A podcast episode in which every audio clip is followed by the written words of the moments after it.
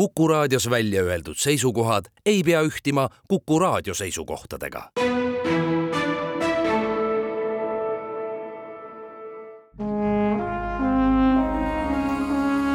Vanemuise veerand. tere, head raadiokuulajad! täna on rõõmustav päev, sest Vanemuise veerandis on külas kaks Vanemuise teatri näitlejat. tere, Kärt Kull! tere! tere, Ken Rüütel! tere!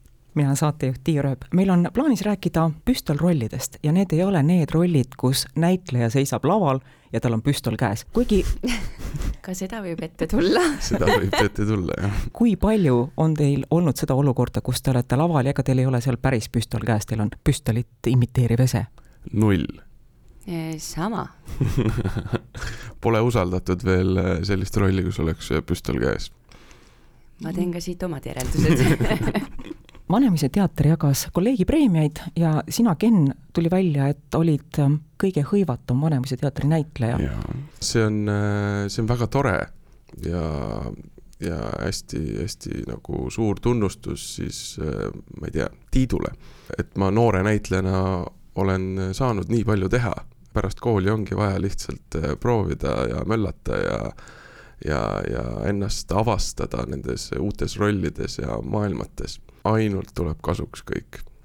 lisaks või tegelikult on olulisemgi, sind tõsteti esile parima meeskõrvalosatäitja rollidega lavastustes Kirsi Aed, Leopoldstad ja Neljas õde ja neljandast õest ma tahakski teiega paari sõnaga rääkida. Te mõlemad mängite selles lavastuses. sina, Kärt, oled üks õdedest, keskmine õde, Katja, kes ähm,, oleme ausad, varastab tiigri tagant.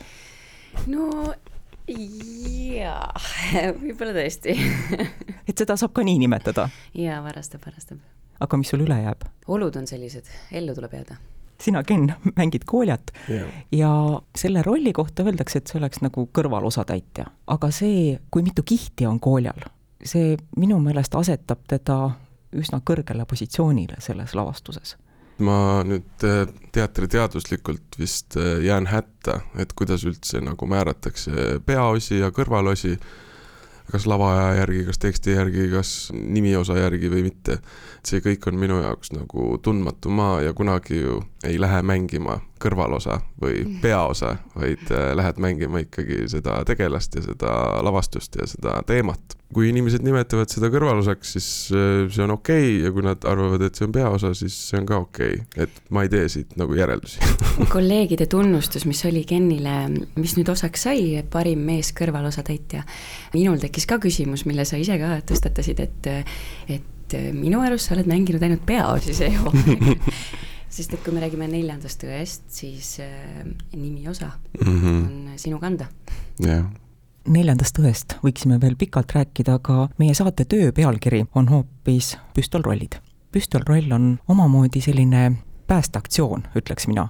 keegi läheb ja teeb ära rolli, mille ettevalmistusaeg on tal väga-väga lühike, võib-olla natuke pikem, aga ikka mitte nii pikk, kui üks lavastusprotsess seda annaks näitlejale. ja seda kõike selle nimel, et kui inimene on mõelnud, et ma lähen teatrisse seda lavastust, seda etendust vaatama, siis et ta ei saaks seda kurvastavat teadet, et täna näitleja haigestumise tõttu või mingil muul põhjusel jääb see etendus ära. Te olete mõlemad seda teinud, mis on kõige lühem ettevalmistusaeg, millega te olete pidanud hakkama saama ja lavale minema? Kärdil vist on kõige lühem. ma nüüd täpselt ei mäleta, sest kuskil kolm tundi oli äh, hiljuti Kirsiaia ette. See, kui teada anti. aga noh, see kolm tundi on ka täpselt see, et sa mõtled küll, et nii hea oleks, kui see kolm tundi oleks puhas ettevalmistusaeg, aga kõigepealt hakkad mõtlema nii, kus ma praegu olen, kus mu pere on, kas mu lapsel on hoidja, kust ma ta saan, mis hetkel ma jõuan teatrisse, siis ma saan video, kust ma tekstiraamatu saan, ahah, pean minema selle näitleja juurest läbi, saan tekstiraamatu, ja siis hakkad nagu mingit loogikat nagu vedama seal, et, et saaks aru üldse, mis tükk see on, mida seal mängida on vaja, siis tuleb kostüüm, sobib kostüümi proovida, mingil hetkel pead Krimmi jõudma, et see nagu tegelikult on paras mäsu on see kolm tundi noh, kolm tundi minul on vist äh, ööpäev, kakskümmend neli tundi, kõige lühem aeg olnud äh, ettevalmistusaeg. niisiis äh, Beatrice'is, kui ma tegin Jokki, kui ka Niiskame naistes, kui ma tegin Aarnet. nii Jokk kui Aarne tegelikult on nagu väga-väga suured rollid, Aarne eriti. Neid ei oleks mingi. et kolme tunniga. kolme tunniga absoluutselt mitte täiesti võimatu mm -mm. ja tegelikult Aarne jaoks kakskümmend neli tundi oli nagu väga-väga väike aeg, aga tol ajal lihtsalt oli see epideemia nii suur, et me siis ise tegelikult oli plaanis jälle nagu taaskord etendus ära jätta, aga kuna lihtsalt nagu inimesed olid nii palju vastu pükse saanud, olimegi kuulnud, et keegi tuleb neljandat korda nagu Niskamäele ja kas ta siis uuesti, uuesti peab need piletid ümber vahetama. siis äh, kalli kolleegiga Oskar Seemaniga tekkis kohe mõte, et äh, oota, aga Ken, mis sa arvad, et äkki sa teed ära ja siis Oskar teeb minu rolli, sest ma mängin ka tegelikult seal lavastuses. ja siis me pakkusime selle Tiidule välja sest kaks etendust pidi ära jääma. Ja siis Tiit mõtles natuke ja siis ütles, et okei okay,, ma rääkisin turundusega ja, ja teatrijuhiga, et eh, kui te olete valmis seda tegema, siis teeme, aga siis teeme mõlemad.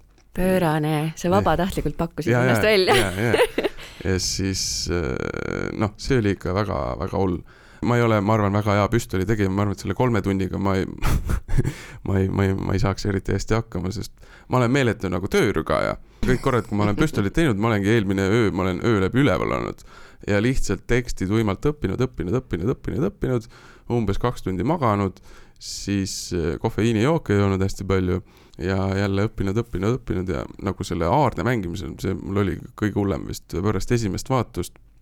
ma läksin eh, oma garderoobi sest ma ei suutnud nagu kedagi näha, sest see pulss ja adrenaliin, see oli nii kõrge.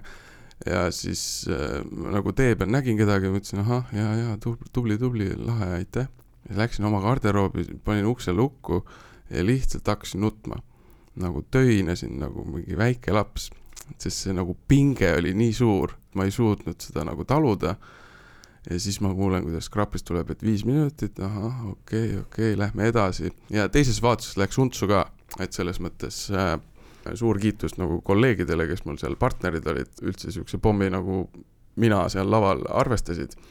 et tegelikult ma ei arva, et see on okei okay. meespeaosa nagu ühe päevaga sisse õppida, tegelikult see ei ole okei okay.. aga kuna oli see epideemia aeg ja nii palju oli nagu vastu pükse saanud, siis me mõtlesime, et päästku, mis päästa annab. et see on nagu põhiline.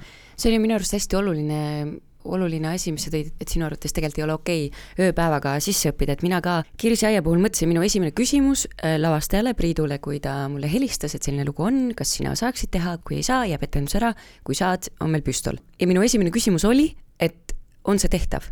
ja ta arvas, et see on tehtav ja Leena, kelle osa ma mängisin, arvas ka, et see on tehtav ja ma nende, selle usalduse pealt ütlesin hästi, jah.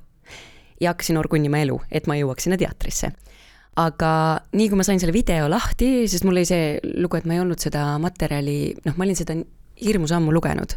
ja esietendust ma nägin, aga see oli ka nüüd juba mingi varsti aasta tagasi mm. -hmm. ehk siis mul tegelikult ei olnud aimugi, kes mis tegelast mängib. ja ma mõtlesin, et, et kui ma selle video lahti lõin, siis ma sain aru, et minul on jäänud aega ettevalmistamiseks vähem, kui see video pikk on. ja siis ma sain aru, et, et tegelikult see laval oleku aeg mis näitleja jaoks, kes on ise tükki juba mänginud, see on juba omane, ei tundu nii pikk, sest et äh, sa lood endale mingi loogika ja kui see on sul selge, siis on väga lihtne selles orienteeruda kui mul ei ole seda loogikat veel, kui ma ei tea, kust ma tulen, kuhu ma lähen, kellele ma mida ütlen, rääkimata nendest perekonnanimedest, mille ma jätsingi ütlemata, sellepärast et need mul ei püsinud meeles, siis on lihtsalt nii suur maht, mida hoomata. ja siis tekibki see küsimus, et, et kui ma kusagil poolteist tundi enne etenduse algust sain aru, et see tegelikult ei ole tehtav. siis ma mõtlesin, et see on täielik sigadus, et niisugune olukord üldse on. aga minu väga hea kolleeg Linda ütles, et, ähm, et ükskõik, mis otsuse sa praegu vastu võtad, ära enam tagasi vaata, et nüüd ainult edasi. ja ma otsustasin, et nüüd mul oleks juba piinlik öelda ära, et ma ikkagi ei tee, lootus oli, aga ma ikkagi ei tee. ja ma läksin edasi ja ma üritasin võtta lihtsalt stseeni kaupa laval oleku aja kaupa. et niikaua, kui ma olen, haldan seda juppi, tulen lavalt maha, ma kustutan enda peast selle ära, võtan järgmise jupi. ja mis aitab nagu sellisel hetkel süsteemi loomisel, ongi see, et kust ma tulen, kuhu ma lähen ja mis on selles stseenis kõige olulisem mõte, mis see idee on ja see annab selle vabaduse, et kui mul läheb ka tekst meelest ära, mul on võimalus improviseerida, juhul kui see ei ole värsis muidugi, Ken, eks ole. aga see annab mulle mingisuguse vabaduse seal ikkagi. no sa said ikka väga-väga-väga hästi hakkama. aga, aga ma olen, ma olen, ma olen nõus, ei, ei ausalt, sa said ülihästi hakkama. aga ma olen nagu selles mõttes nõus, et äh, ma mõtlesin ka, et see ei ole tehtav nagu ja mulle mitu näitlejat ütlesid, et mis sulle arus oli, kui ma teatrisse tulin, siis ma mõtlesin, et vau wow,, et ma mõtlesin, ma päästan olukorra, aga nüüd saan veel pahandada ka. aga ei, lõpuks läks kõik hästi, aga see küsimus ongi, et kust maalt läheb see piir kvaliteedi osas mm. -hmm. et inimesed on teinud kaks kuud võib-olla rohkem on valmistanud ette ühte lavastust, mõtestanud seda, analüüsinud, toonud lavale, pannud selle elama, toonud publiku ette. ja nüüd on olukord, kus tuleb püstolroll, mis ongi teiste reeglitega, aga sul peab ikkagi olema noh, see ei ole päris see, et ma tulen kohale, nüüd ongi juba hästi, vaid sa pead ikkagi tagama mingi kvaliteedi. ja see toetub enda kogemuste peale, mis sul on seni omandatud, et kas ma nagu selle lasin küll peast läbi, et kas ma olen võimeline mingi osa teksti niimoodi järjest õppima, jah, ma olen võib-olla võimeline selleks, kas ma suudan endale selgeks teha loogikat, kust ma tulen, kuhu ma lähen, füüsilised liikumised, jah, nüüd edasi vaatame, aga noh, see on ikkagi, see on õnne küsimus. Õnn ja juhus, et see oleks võinud minna täiesti kohutavalt, see oleks võinud olla täielik katastroof. ja oleks hävinud see õhtu publiku jaoks oleks hävinud minu enese, enese, kuidas öelda eneseusu. enesehinnang, eneseusk endasse, jah. et õnneks läks kõik hästi, jah. Ken Kärdi repliik värsi kohta, see ei olnud mitte niisama visatud õhku. sul on sellega isiklik ja tugev kogemus. Naistekool on selle nimi. jaa mm,, naistekoolis ma tegin ka püstoli. ma nimetan seda värsipüstoliks, sellepärast et äh, tegelikult oli aega palju oli aega, mul oli sihuke nädal, nädal oli aega. nii pikk aeg, Ken. ja selle pakkumise ka ma kuidagi ise vist initsieerisin jälle, sest äh, ma ei mäleta, mis kuu see oli, aga et ma küsisin Priidu käest, et et kuule, kas äh, Karl Laumets saab teha naistekooli, et ma kuulsin, et tal on nagu seljaga häda ja ma küsisin seda mingi kaks nädalat enne siis järgmist etendust. ja siis viskasin talle õhku, et selles mõttes, et, et kui ta ei saa, et siis ma oleks hea meelega nõus nagu seda sisse õppima. ta kindlasti mm. mõtles, et sa oled hull me kõik mõtlesime ja, ja siis äh, ja siis oli vaikus nagu selles mõttes, et äh, ja siis umbes nädal enne seda etendust siis Priit helistas mulle ja küsis, et kuule, nüüd on ikkagi nii, et, äh, et Laumets ei saa teha, jah. kas sa siis oleksid nõus selle, selle rolli sisse õppima või seda püstolit tegema? ma ütlesin, et jah olen nõus ja siis sain selle tekstiraamatu, sain video ja samamoodi töörügaja, iga päev, see seitse päeva, kella kolmeni, kella neljani, iga päev ma õppisin öösiti seda teksti, sest noh, muu elu oli ka, proovid käisid, äh, etendused, muud. Õnneks sain ka nagu oma põhilise partneri Karoliga palju kokku vahepeal. Ja Priit aitas, aga nagu noh, seda värssi ja riimvärss ja, ja sellega oli õudne vaev. Ma ei olnud sada protsenti kindel, et, et see tekst mulle jääb pähe, seitse päev on tegelikult nagu mõnes mõttes, selles mõttes pikk aeg, aga ma nagu palusin Priidult, et äkki saaks kuidagi, et mul oleks keegi abis. ja siis me mõtlesime välja süsteemi, et mul on nagu kõrvaklapp kõrvas ja teises toas on jälle hea sõber Oskar Seeman tekstiraamatuga, mikrofoniga. Ja kuna tol päeval oli meil ka uus inspitsient, siis ma nagu mõtlesin, ma teksti võin enam-vähem nagu paika saada, aga mul oleks vaja kedagi, kes mind lükkaks lavale, et mine nüüd. Siis oligi Oskar väga hea, temal oli tekstiraamat ees, tema ütles mulle, nii, Ken, mine valmis, nüüd astu lavale. ja siis me Oskariga leppisime ka märgi kokku, kuna tema sai telekast vaadata, et kui mul peaks tekst meelest minema, ära minema, et siis ta ütleb mulle järgmised kaks rida ette. et siis ma, et ma teen siukse nagu hobuse hirnatuse keset stseeni. Ja siis äh, ma sain enne ka tege, teha ühe läbimängu ja siis äh, hommikul. Ja siis äh,, siis ma proovisin igaks juhuks lihtsalt esimeses stseenis korraks seda, et noh, et mul nii-öelda läheb meelest ära, tegin hobuse hirmutuse, Oskar ilusti ütles mulle teksti ette, väga hea, läksin edasi kahjuks või õnneks nagu siis, kui mul oli esikas, püstolesikas, siis äh,, siis ei läinud Oscarit vaja. aga see, et ta suunas mind igale poole, ütles nüüd lavale ja, ja kõik need, vahepeal ütles, et sul läheb väga hästi. Kuigi see kuular tegelikult mind tohutult häiris, sest üks kõrv on kinni ja mul veel plaasterdati see kinni ka, et see oleks nagu koer oleks purenud või ma ei tea mis, et siis äh, ainult ühe kõrvaga veel su suudad mängida ka ja siis nagu selles mõttes ka keeruline aga see oli sihuke ka ikkagi väga närve sööv kogemus ja nüüd ma olen seda rolli jäänud tegema. nüüd ma teengi Orassi naistekoolis, ma olen seda kuskil kaheksa kuni kümme korda teinud. nüüd viimased kolm korda olen ma alles hakanud saama supelda seal nagu värsis ja partneriga möllata ja natuke muuta ja mängida ja teha rohkem nagu oma pealt. Et see püstol oli konkreetselt ainult adrenaliini pealt, aga, aga nüüd on nagu selles äh, meres võimalik rõõmu tunda ja nii juhtub, kui mängid oma püstolit nii hästi, et äh, näitleja, kes originaalis rolli peal on, võibki sellest ilma jääda jah, seda ei taha muidugi, et kellegagi juhtuks mida see tähendab teistele näitlejatele, kui tuleb keegi ja teeb püstolrolli? see on ka nende jaoks ju omamoodi eksam.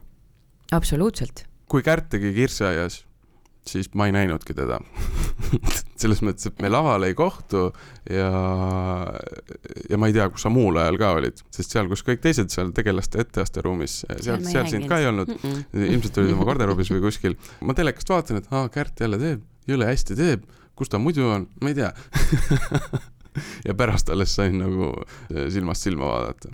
Kui ma mängin tükki, noh, ma olen ka mänginud nii, et, et minuga koos teeb keegi püstol rolli, siis olenemata sellest, kui pikk on ettevalmistusaeg, tundlad on püsti, sest midagi võib öelda kuidagi teistmoodi, mõtet anda teistmoodi, liikumised võib-olla ei ole alati need misantseenid, mis on kokku lepitud, see võib ka minul jalad alt lükata.